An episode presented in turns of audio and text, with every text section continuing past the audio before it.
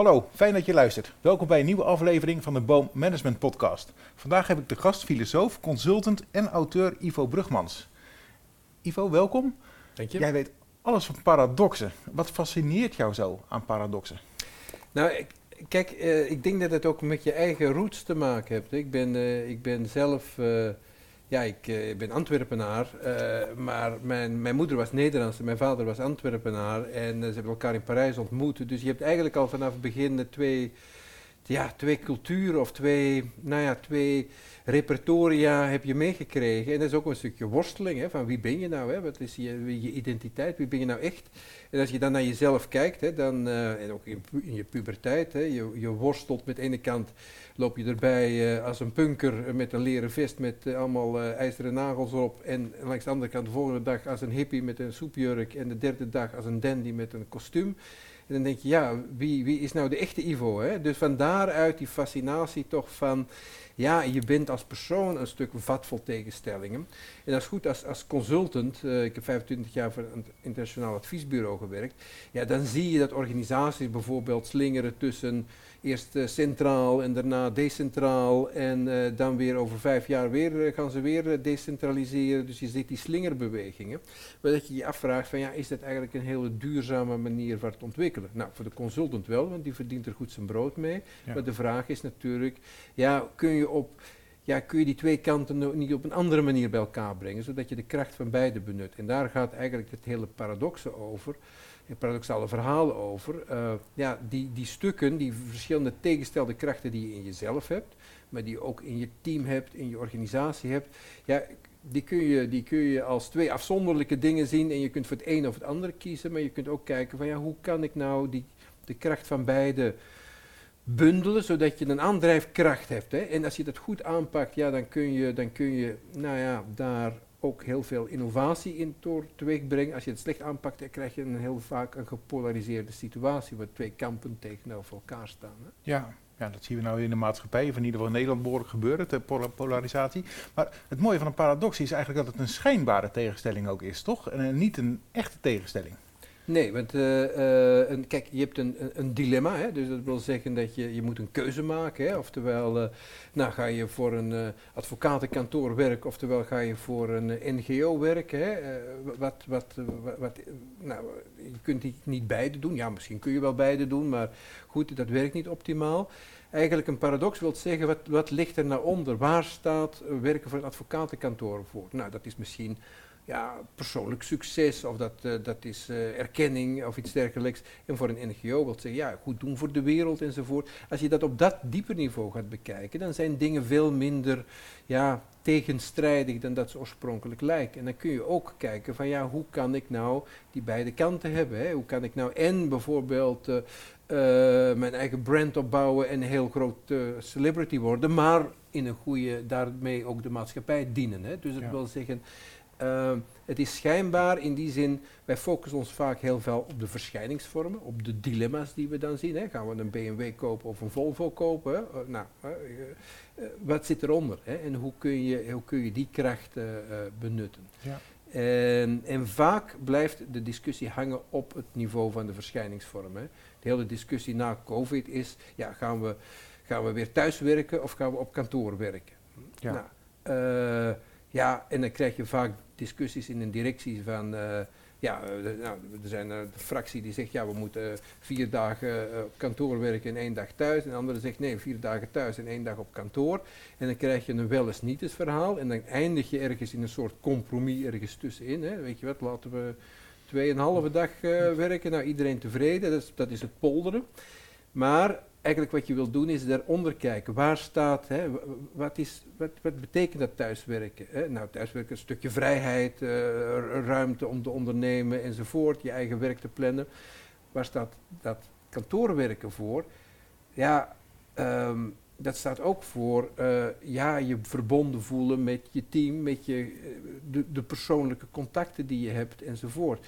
En dan de vraag is van hoe kun je die beide, hoe kun je en efficiënt zijn hè, eh, en, eh, en, eh, en, en ook kostenbesparend zijn qua allerlei gebouwen en langs de andere kant dat persoonlijke contact enabelen. Hè. En, dat, Ja. en dat, die vraag op die manier stellen daagt uit tot oplossingen die verder gaan dan wat voor de hand ligt. Ja, Want, maar dan blijkt het wel alsof je meer terug moet naar waar, waar staan we voor als bedrijf? Wat vinden we belangrijk om eenmaal te faciliteren? Ja, Welke vragen? Ja, dus ja. dat je dat, dat je je visie en je waarden goed hebt. absoluut. En, eh, en die visie en die waarden zijn de, het eikpunt hè, waar dat je het eh, voor, eh, voor doet. En, ehm, en, en daar zit ook vaak eh, ehm, allerlei, er zitten allerlei paradoxen rond, zonder dat die uitgesproken zijn. Hè. Dan is een kreet van een organisatie, wij leveren goede zorg. Hè, of wij, maar wat is dat goede zorg?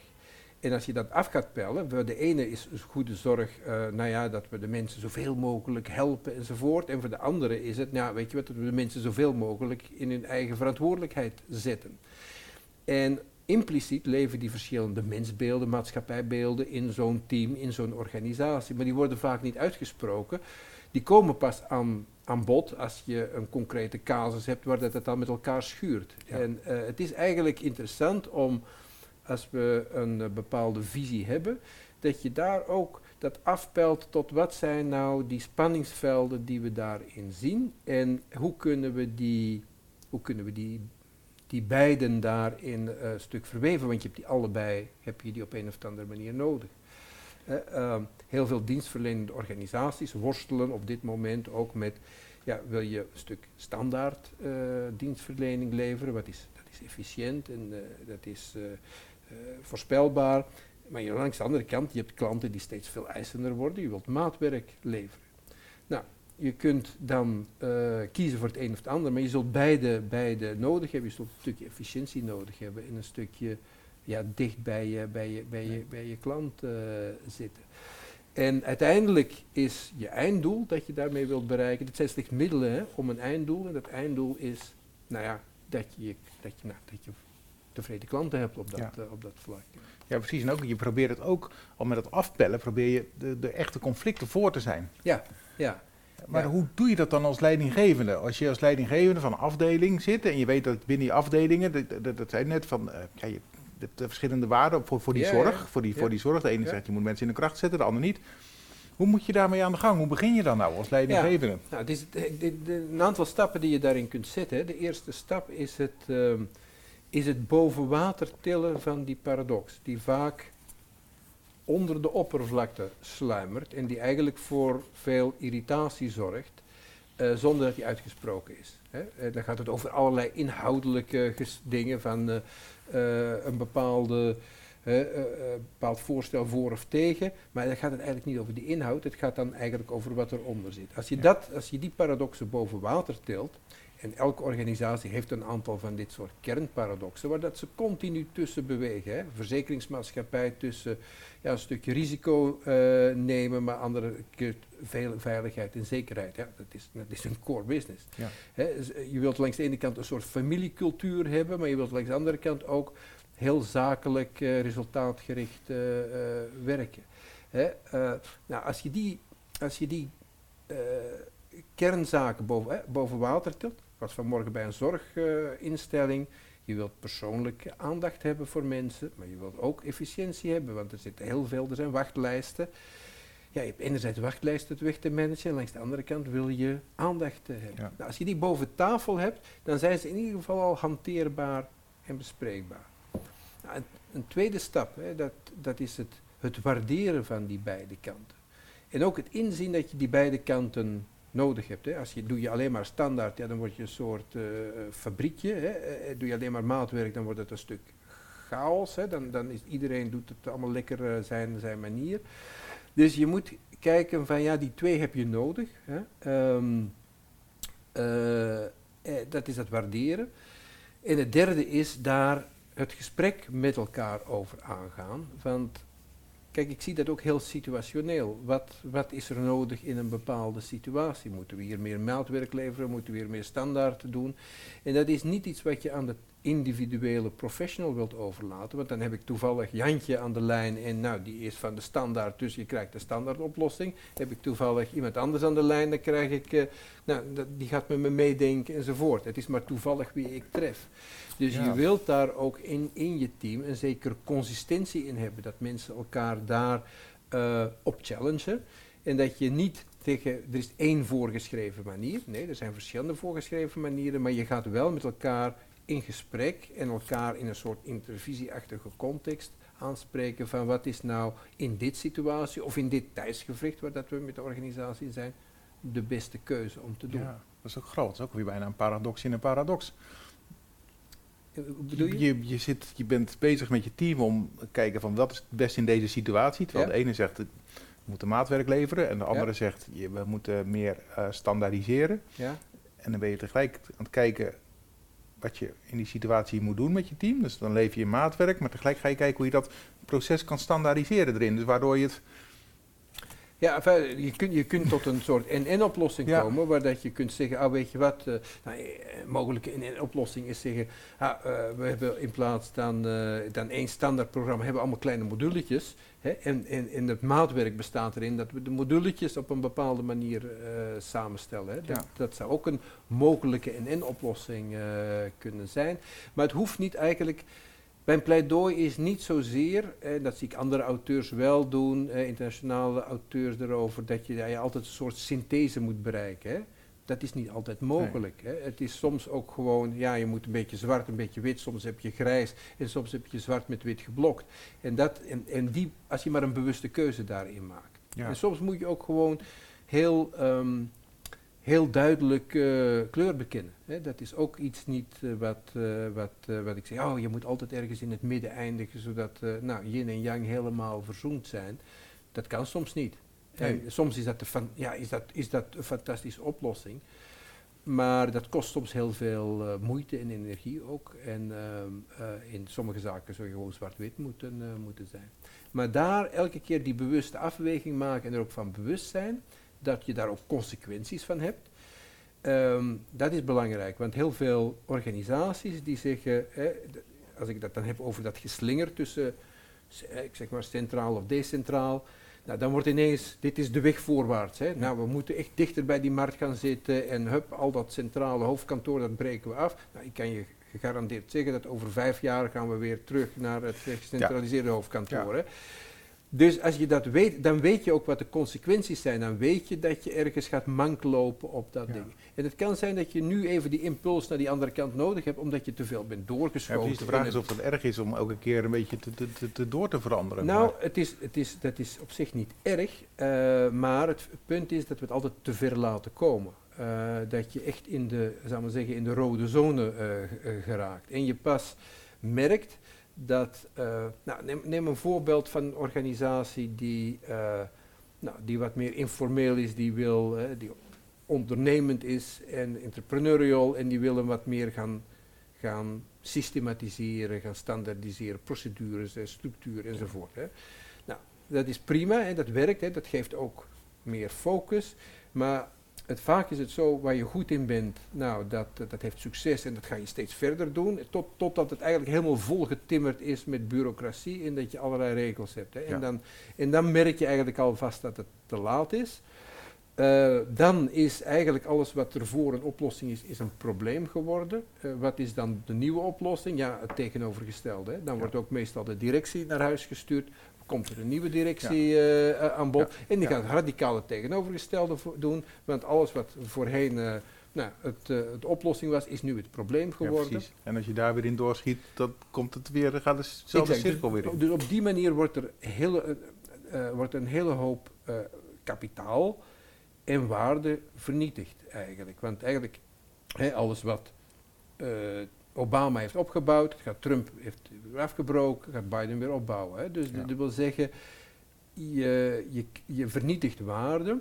Dus mijn, mijn, mijn oplossing of mijn, mijn suggestie is niet om in het midden te blijven hangen, maar wel meer, zou maar zo zeggen, meer fluïde te gaan, ehm, eh, te gaan bewegen, meer, meer ronde bochten te maken dan... Een soort eh, lemniscaat krijg je dan. ja, ja, exact. En meer en tijdig ook de bocht op te nemen en, en te kijken ook van early warnings. Hè? Want vaak in zo'n organisatie merken de mensen die op de werkvloer staan het eerste dat je aan het doorschieten bent. Hè? Ja, dat, die eh, moeten dat dan wel kunnen durven melden. die moeten dat durven melden. Dus dat wil ook zeggen dat, eh, dat er vaak, zeker in organisaties die groot zijn, waar dat er vijf lagen zitten tussen de werkvloer en, en het topmanagement, ja, eer dat die signalen naar boven zijn gegaan, ja, dan zitten we al, al, al lang in het rood. Hè? Want de, de, de directie krijgt alleen maar ja, de zingen te horen wat ze graag willen horen. Want zo zijn mensen. Je wilt toch wel rapporteren naar boven wat, hè, wat, wat men graag wilt horen. Met gevolg dat je vaak dan in het rood schiet, of al lang in het rood bent, terwijl mensen nou ja, dat al lang hebben aangevoeld op de werkvloer. Dus het, het contact houden met de werkvloer is, is heel belangrijk. Ehm, en ook daar de ruimte geven dat mensen zich op een veilige manier daarover kunnen uitspreken. En vaak wordt er het tegenovergestelde gedaan, hè, dat je als je dan. Uh, eh, vaak wordt er eh, signalen zoals mensen die klagen of zeuren enzovoort. Dat wordt dan gezien als zijn, ja, dat zijn mensen die niet mee willen, of dat zijn dwarsliggers, of dat zijn rebellen, of nou, die moeten. Zij stellen misschien oplossingen voor die totaal van de pot gerukt zijn, die, die, die totaal niet werken. Maar het gaat niet om de oplossingen die ze voorstellen, het gaat eigenlijk om wat zij als signaal afgeven, namelijk dat je te veel naar één kant bent doorgeschoten. Dus het luisteren naar het signaal is belangrijker dan, nou ja, eh, eh, die ontkoppeling tussen signaal en oplossing, dat is zo wezenlijk, dat zien we ook in de, in de, in de, in de politiek of in het hele, hele maatschappelijke debat. uh, je kunt heel, heel, heel uh, strijdbaar je verzetten tegen alles wat hè, extreme, radicaal, rechts, et voorstelt. En de oplossingen zijn misschien niet goed, maar het signaal, er is wel een signaal dat daaronder wordt gegeven. Hè. Of, of je nou als Vlaming zie je dan allemaal omgekeerde vlaggen en dingen. En dan kun je zeggen, ja, ja, die boeren met al die dingen, het is een schande en, uh, nou, en het uh, allemaal mist op de autobaan. Dat is, ja, dat is het, uh, het symptoom, hè, zou maar zo zeggen, maar er zit iets onder. En um, interessant is ook dat, dat, die, dat diezelfde maatschappelijke problemen steeds terugkomen onder een andere vorm. Als het nou gaat over vaccinatie, of het over gaat over de wolf, of het gaat over het stikstof enzovoort. Dat zijn allemaal symptomen van iets wat onderliggend kennelijk niet wordt aangepakt. Hè. Dat is namelijk het, het, het onderliggend vraagstuk. En, en omdat het niet aangepakt wordt, krijg je polarisatie, terwijl er misschien wel hetzelfde belang onder Absoluut, dat zou, dat zou best, of er kunnen, er kunnen best tegengestelde belangen onder zijn, maar dan eh, goed om ze uit te spreken dan. Maar het gaat altijd om de standpunten die dan allerlei inhoudelijke argumenten van waarom stikstof wel of niet. Hè. Maar dat gaat, daar gaat het niet om. Het gaat ook vaak wat eronder ligt, namelijk erken mij, zie mij, hoor mij. Uh, waarom, waarom zijn mensen zo boos? Ja, dan kun je nog een hele uitleg geven waarom stikstof. Uh, maar daar gaat het helemaal niet om. Het gaat om. ik word, ik word bedreigd in mijn levensbehoud. ik, word, ik word ook geframed als iemand die dit of dat is. ik word niet gehoord gezien. En nou ja, dat alleen al kan een heel, kan een heel conflictstuk meer bespreekbaar maken, een beetje op, meer opentrekken dan... Ja, um, ja, precies. En je ziet ook vaak ook weer paradoxen, vat volstredig, mensen zijn vaten vol tegenstrijdigheden. Ja. Uh, dat zei mijn moeder ook altijd tegen mij, dus dat is... Uh, maar op het moment zeg maar, die klagen, of als mensen klagen en je komt bij de directeur om te zeggen, dan wordt het probleem afgezwakt en dan durven mensen het ook niet te zeggen. Ja, dat is ook, uh, ja en dat werkt aan twee kanten. Hè. dat, de, de, als, als leider moet je natuurlijk is het belangrijk dat je je ego wat kunt overstijgen. Hè? Want je, vaak, hè, leiders hebben zich helemaal vastgepind tot, nou ja, uh, ik zeg maar, centralisatie, dat, dat is het ding, of decentralisatie is het ding, of, of nou, e-, een van die dingen. Uh, um, en vinden het heel moeilijk om daar van los te komen. En dan denk ik, ja, dan leid ik gezichtsverlies, want dan, dan, dan, dan, dan blijkt mijn oplossing niet waar ik altijd voor op de, op, de, op de barricade heb gestaan, blijkt niet te kloppen. Dus dat wil ook zeggen dat je je ego moet opzij schuiven. En misschien ook jezelf moet opzij schuiven. Want misschien ben jij niet de persoon om de volgende fase van de organisatie te leiden. Misschien ben jij degene die wel heel goed bent om de boel te saneren, maar niet om de verbinding te gaan. Maar dan is het je stukje zelfreflectie van, oh ja, ben ik wel degene die die volgende stap moet doen. En als je degene bent die de volgende stap is, dat je die ook tijdig neemt en dat je dat ook op die manier ehm, ja, kunt communiceren naar die organisatie. Dus dat wil zeggen je eigen ego overstijgen enerzijds, voor de, en een stuk veiligheid creëren, zodat je mensen, uh, ja, uh, en dat is ook veiligheid in de daad en niet in het woord. Hè? Want je kunt allemaal zeggen, ja, weet je wat, we zijn een lerende organisatie en fouten maken mag. Ja, totdat er iemand een fout maakt. Hè? ja, dan word je eraf gezaagd. Die, ja, die fout hadden we zo, zo hadden we het niet bedoeld. hè? Ehm, dus, dus ook wel echt in de daad die veiligheid creëren. Uh, langs de andere kant, als jij. Uh, ik, ik, ken leiders die, uh, ja, die ook die heel graag feedback willen hebben, maar wat medewerkers het gewoon niet durven geven, uh, omdat ze ja, toch naar iemand opkijken en dan denken van ja, oh, Hè, wat heeft dat wil zeggen voor mijn, mijn positie enzovoort. En zeker charismatische leiders, hè, mensen die.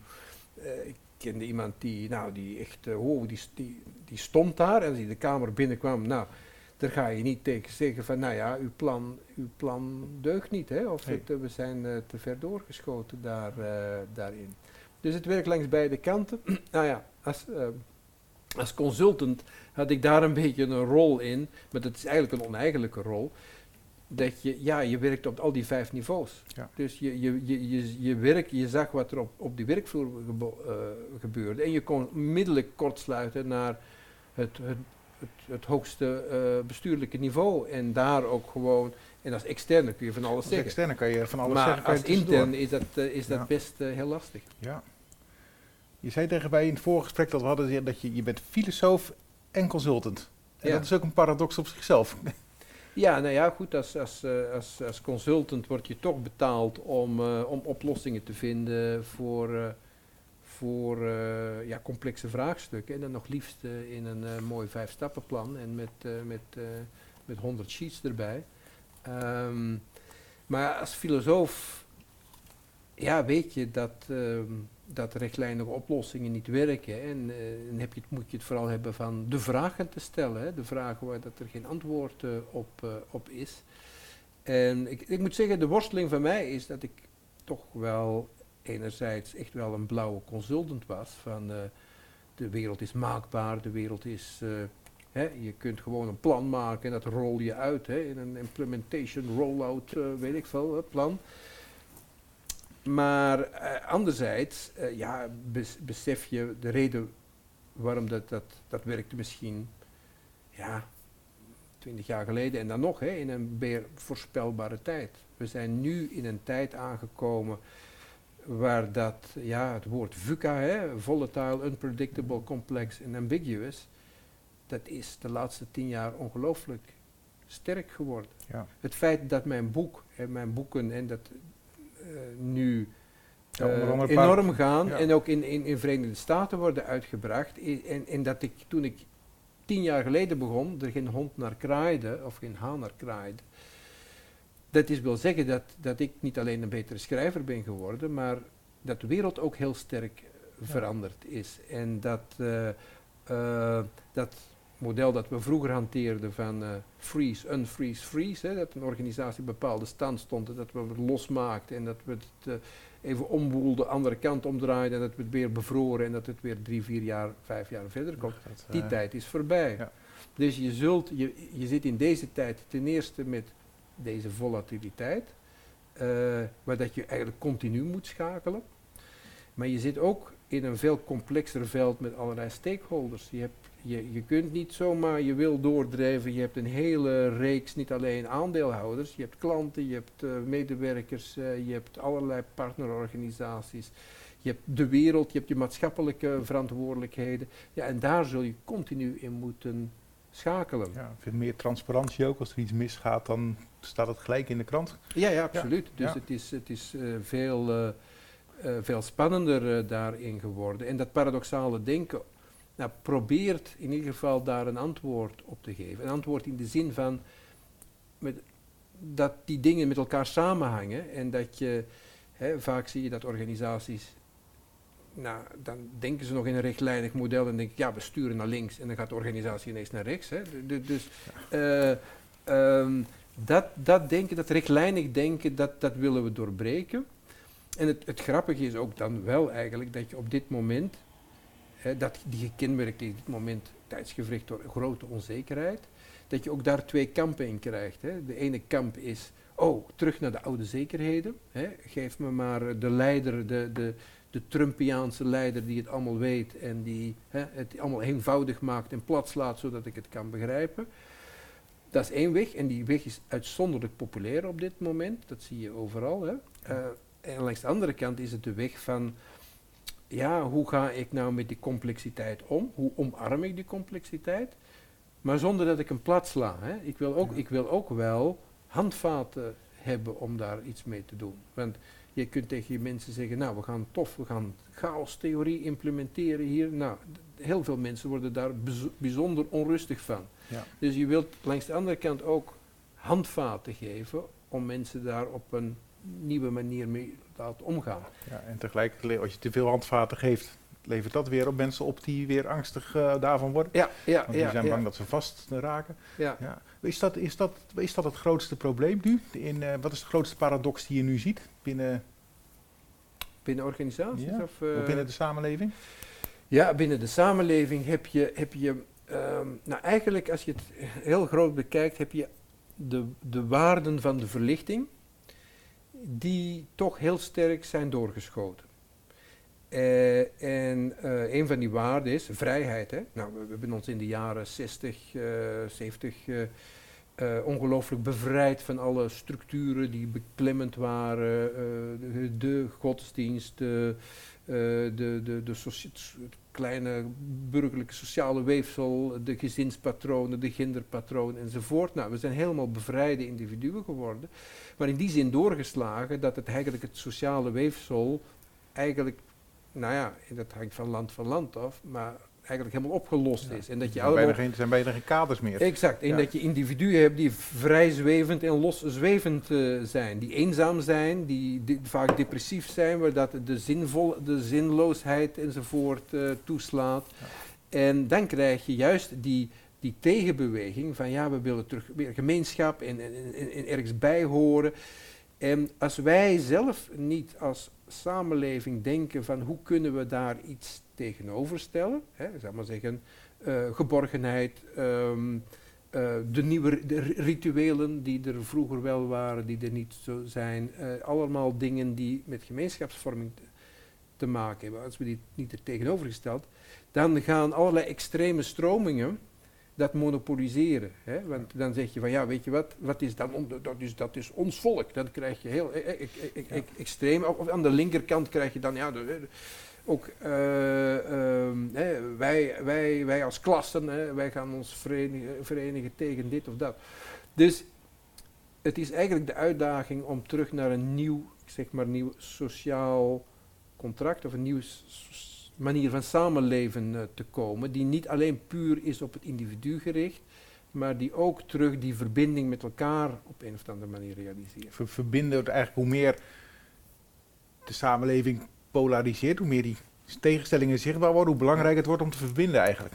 Ja, en, en, en uh, daarom dat ik altijd zo'n beetje schertsend uh, zeg van, ja, misschien, misschien we hebben in België in ieder geval, in Nederland ook, de legerdienst afgeschaft. Hè? En dat is prima. Hè?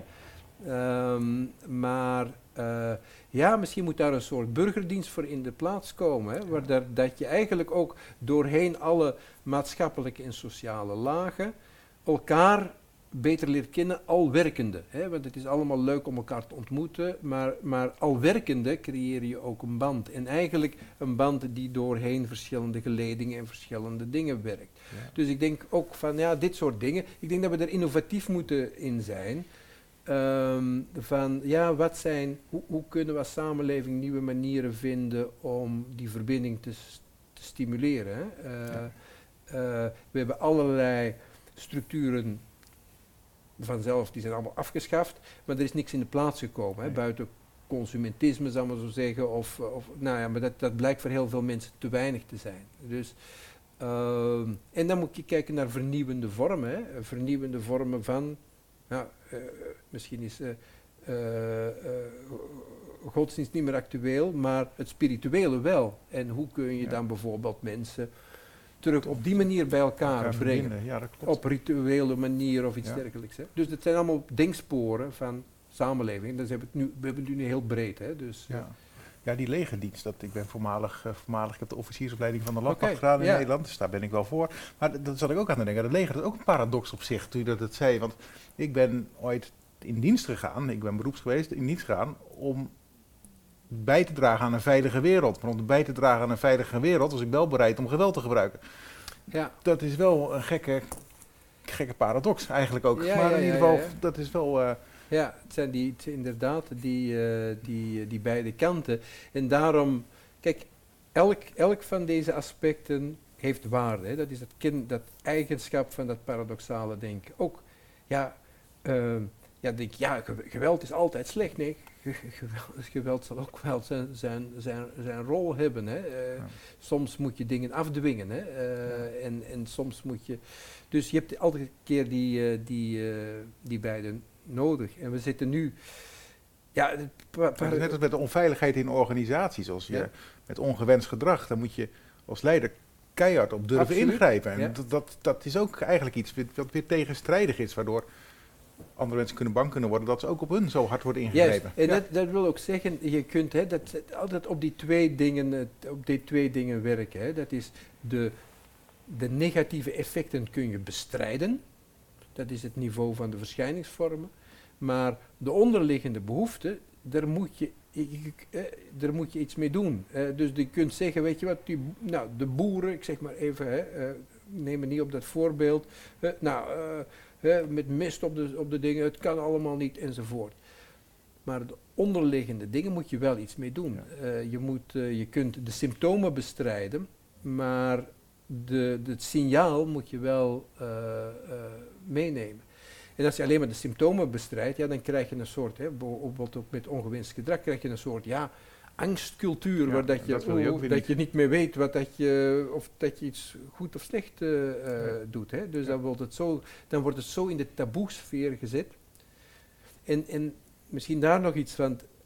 Ik vind het heel interessant. Je hebt ook iets als organisatieschaduw. Hè. Dat is de schaduw, dat, zijn, dat is de onderstroom waar dat je niet over spreekt. Hè. Dat er, maar die onderstroom, die duw je weg omdat je die echt taboe wilt hebben. Ehm, eh, maar die, die, die beheerst al het denken. Ja. Eh, zo kun je bijvoorbeeld, eh, een voorbeeld van een politieorganisatie, die moeten, s- eh, die moeten stoer, kordaat enzovoort zijn. Als je, als je die mensen vaak spreekt, dan gaat het allemaal over kwetsbaarheid en over jezelf kunnen zijn. In, nou, en dan denk je van ja, ben ik nou echt in een so- so- socio-achtige omgeving terechtgekomen? Maar dat is de keerzijde. En die keerzijde moet je ook een ruimte geven binnen je organisatie. Geef je dat niet een ruimte, ja, dan, dan, nou, dan zeg je van ja, los dat maar op in je vrije tijd. Nee, de- die organisatie moet ook die ruimte creëren voor die, tegen, voor die tegenkracht. Ja. Als je een hele sociale organisatie bent, waar dat eh, je allemaal, bij wijze van spreken, een knuffelcultuur enzovoort, hè, waar dat je de, ja, de, de geschillen niet uitspreekt, maar even met de mantel de liefde. eh, de- denk je dat die geschillen weg zijn? Natuurlijk niet, die gaan dan on, Ondergronds onder, ondergronds. En, de, en de culturen die het meest sociaal proberen te zijn, zijn vaak culturen die heel, nou, dat zijn vaak hele nare organisaties om in te werken. Ja. Omdat dat, het, het zit allemaal ondergronds en het wordt niet uitgesproken. Het mag zelfs niet uitgesproken worden, want het is taboe. Hè? Ja. En, en dat kan een hele organisatie ook verzieken, hè? dat ze hun eigen schaduw niet eh, kunnen erkennen. Ja, precies. Maar waar begin je nou dan? Als je, want, want je hebt de enerzijds heb je de tegenstellingen, die heb je nodig om, om, om die herkenbaar te maken en bespreekbaar te maken. Ja? Maar om vaak om verder te komen in een organisatie heb je de overeenkomsten nodig. Ja. Begin je dan met zoeken naar de overeenkomst om van daarbij de verschillen te komen? Of begin je met zoeken naar de verschillen om van daarbij de overeenkomst te komen? Dat is een soort kip en ei. ja, kip en ei, ja, eh, dat is van alles af. vraagstuk, Hoe- Of, of is het ook Eh, in contextafhankelijk? Nou, het is, ja, ehm, kijk, ik zou, ik zou eigenlijk toch eerst beginnen met de, de verschillen eigenlijk. Want eh, het is ook de erkenning dat, je, dat er verschillen zijn. Dat toedikken met van ja, weet je wat, we, hebben allemaal, we zijn allemaal voor wereldvrede. Nou, weet je wat, als je dat zegt, natuurlijk, iedereen is voor wereldvrede. Maar dan, Ja. dan, dan dek je vaak de, de, de scherpte van, van waar het echt over gaat toe. Dus Ja. ik ben zelfs een beetje, hè, vaak in, in oefeningen die ik doe, hè, er was vanochtend ook een aantal oefeningen, dan laat ik mensen niet alleen die ene pool verkennen, maar dan, ga ik, dan vraag ik ook om, om eens helemaal in het extreme daarvan te gaan staan. En als ze helemaal in het extreme gaan staan, dan, dan schieten ze pas, eh, dat, nou, dan, dan, dan wordt de aantrekking van de andere pool weer heel belangrijk. Maar juist het, het kunnen ervaren van die verschillen, maakt, en het helemaal doorleven van die beide polen afzonderlijk, maakt dat je soort oplossing kunt geven die meer is dan een soort compromis ergens tussenin. Want dan ga, je, dan ga je dieper, dan, ga je, dan voel je het ook echt. Dus ik zou eerder... Is dat het optimale midden waar je dan naar op zoek bent, dat dat, hè, dat, dat verschuift? Nou, uh, op lange termijn zal dat het optimale midden zijn. Hè? Maar uh, uh, dan spreek ik op, op, op, op, op, op nou, tientallen jaren. Maar natuurlijk, dat optimale midden, dat, dat, eh, dat, dat wisselt uh, elke dag bij wijze van spreken. Hè? Ja. Alleen moet je met elkaar weten van, uh, ja, wat is het optimale midden in deze casus, in dit tijdsgevricht, in, in dit wat we moeten doen. En, en um, ja, dat is niet, niet noodzakelijk, dat kan links, rechts en dat kan overal alle tintegrijs tussenin zijn. Ja, precies. Ja. Je hebt twee van je boeken, dat de ene heet paradoxaal leiderschap en de mhm. andere is paradoxaal coachen. Wat zijn daar de overeenkomsten tussen? Heb je dat paradoxaal leiderschap? Je hebt coachend leiding geven. Um, ja. Zit er een overeenkomst in? Moet je als leider paradoxaal kunnen coachen? Of hoe, uh, wat? Ja, zo, uh, nou, paradoxaal leiderschap gaat echt over hoe dat je, ja, hoe dat je uh, organisaties aanstuurt, hoe dat je teams aanstuurt, hoe dat je in al je processen dat je doet, je innovatieproces of in je strategieproces of in je uh, personeelsproces, hoe dat je daar telkens die beide kanten uh, meeneemt. Hè. Uh, paradoxaal coach is eerder van, um, ja, hoe, hoe begeleid ik anderen in het ja, het, het, beter omgaan met hun eigen paradoxen. Dus je, bent meer een enabler, zou maar zo zeggen. Hè, de, de, de leider, die past het natuurlijk ten eerste op, zich, op zichzelf toe. Hè, want uh, kijk, daar gaat het, daar, nou, dat is in ieder geval het gemeenschappelijke. Je begint altijd bij jezelf. jezelf heel, veel, heel veel zelfreflectie, introspectie, exact, dat soort dingen. Exact, ja. want uh, iemand die zegt, ja weet je wat, nou ga ik eens een beetje even ingenieren aan de paradoxen in mijn team. Nou, eigenlijk moet je, moet je kijken, wat zijn mijn eigen paradoxen? Oh, ik, ik heb langs de ene kant heb ik een hele ja, uh, durvende kant en langs de andere kant heb ik een hele veiligheidszoekende kant. Oh ja, nou, oh, dat is, en dat is hetgene wat ik ook in mijn, in mijn in mijn dagelijks leven doe, dat projecteer ik ook op anderen, dat bepaalt ook mijn functioneren. Dus dat is echt de kern van, van beide. Het begint bij jezelf. Ook bij elk leiderschap is zelfleiderschap in, in, in eerste instantie. Maar het coachen is ook dat je ook vanuit, hè, vanuit een stuk zelfkennis anderen kunt begeleiden om datzelfde proces te doen. Hun eigen polariteiten in hun leven, in hun werk te ontdekken, daar beter mee te kunnen omgaan, hanteerbaar te maken. Niet alleen op individueel niveau, maar ook dat je teams coacht eigenlijk om ja, eigenlijk self-sufficient te zijn in het, ah, het ontdekken van, oh, weet je wat, wij zitten in een conflict. Ah, er is een paradox. Hè? Dus je, je gaat hen helpen om dat stukje zelf te kunnen, uh, te, kunnen, uh, te kunnen doen. Ja, precies. En als we dat nou allemaal kunnen, en als we nou binnen organisaties veel beter kunnen omgaan met die paradoxen, wat levert dat dan uiteindelijk op? Ja, dat is een betere wereld. Hè? Een betere wereld. Nee, nee, maar ik bedoel... Wereldvrede, uh, ja. Wereldvrede, nee, ik maak even een grapje. Maar um, ja, dat wil ook zeggen dat je, dat je als organisaties ook veel wendbaarder wordt. Dat je veel beter kunt inspelen op dit soort onverwachte situaties. En dat je ook veel beter met dat hele, ja, dat je veel minder, zou maar zeggen, conflicten geëscaleerd krijgt. En ja. in allerlei gepolariseerde uh, loopgraven toestanden terechtkomt, maar dat je eigenlijk continu leert eigenlijk met die dynamiek om te gaan. Want die dynamiek is de dynamiek van het leven, hè, van elk complex systeem, kracht, tegenkracht enzovoort. En dat je daarmee leert spelen, leert balanceren. Het is een soort dans eigenlijk. Het is, het is continu daarin beweging. Ja, het continu wat paradoxen zullen er altijd zijn. Absoluut. En dat is het eigenschap van paradoxen. Ze zijn onoplosbaar. Hè? Het is niet zo van, nou hebben we even een koers gekozen, nou hebben we de, de ideale synthese gevonden en nou kunnen we voor de komende tien jaar zijn we safe. Nee, dat zal elke keer uh, anders zijn. Dat zul je ook vanuit binnenuit moeten bezielen. Maar wil zeggen dat je meer wendbare organisaties krijgt, uh, meer nou ja, duurzame veranderingen, want die veranderingen vaak is, hè, het oude wordt wordt. Hè, dat, dat trekt op niks en er wordt het nieuwe tegenovergesteld. Totdat je weer hè, de volgende beweging terug moet, moet gaan. Dus dat je veel meer ook de, de kracht van, van beide uh, uh, kunt, kunt meenemen daarin. Dat je duurzaam daarin verandert. En ook dat je, denk ik ook als je het naar medewerkers bekijkt. Ik denk dat het ook belangrijk is om die medewerkers um, ja, ook niet te zien als een soort human resources met een bepaalde rol of trucje dat ze kunnen, maar eigenlijk ook mensen met, uh, met een volledig potentieel, met daar ook heel tegengestelde kanten in. Mensen die het soms heel leuk vinden om uh, standaardwerk te doen, maar heel leuk vinden om creatief bezig te zijn. En dat je ook mensen daar de ruimte geeft om die verschillende kanten van zichzelf in hun werk te, te, te ontplooien. Zodat je ook ja, medewerkers hebt die, die veel meer ja, hun, hun um, hun brede ontwikkeling binnen hun werk uh, vindt. want vaak kom je tegen dat mensen bijvoorbeeld op hun werk niet vooruit te branden zijn en gewoon uh, om vijf uur of vijf voor vijf staan ze aan de prikkel om naar buiten te gaan.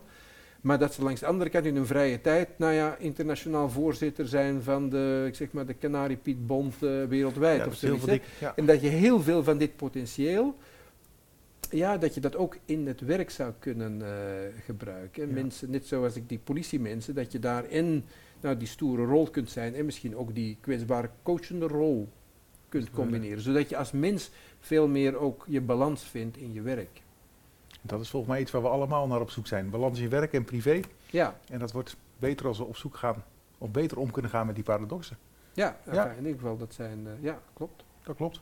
Nou, dat is hartstikke mooi. Ivo Brugmans, hartelijk dank. Graag gedaan.